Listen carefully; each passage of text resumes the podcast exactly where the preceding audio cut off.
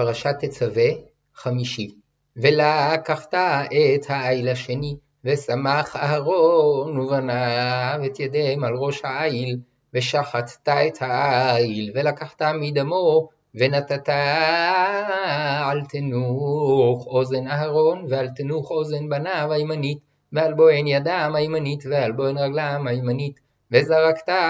את הדם על המזבח סביב, ולקחת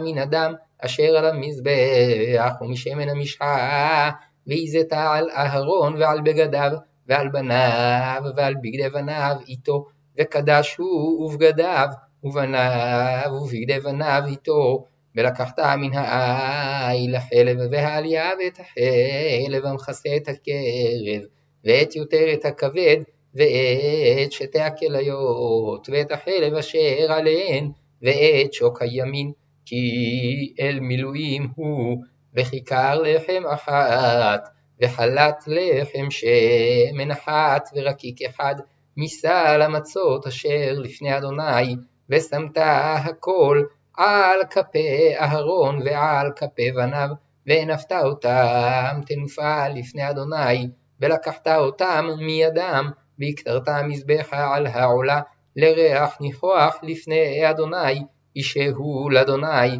ולקחת את החזה מאל המילואים אשר לאחרון, והנפת אותו תנופה לפני אדוני, והיה לך למנה, וקידשת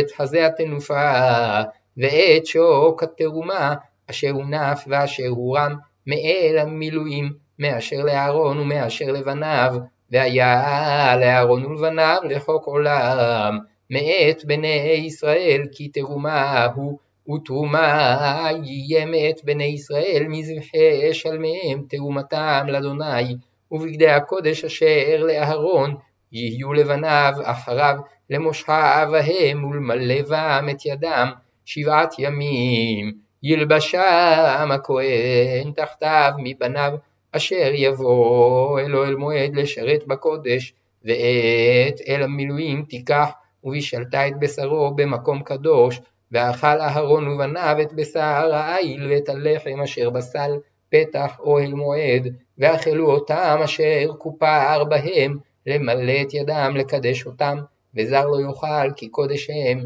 ואם יוותר מבשר המילואים ומן הלחם עד הבוקר, ושרפת את הנותר באש, לא יאכל כי קודש הוא, ועשית לאהרון ולבניו ככה, ככל אשר ציוויתי אותך, שבעת ימים תמלא ידם, ופר חטאת תעשה ליום על הכיפורים. וחיטאת על המזבח וכפרך עליו ומשכת אותו לקדשו שבעת ימים תכפר על המזבח וקידשת אותו והיה מזבח קודש קדשים כל הנוגע במזבח יקדש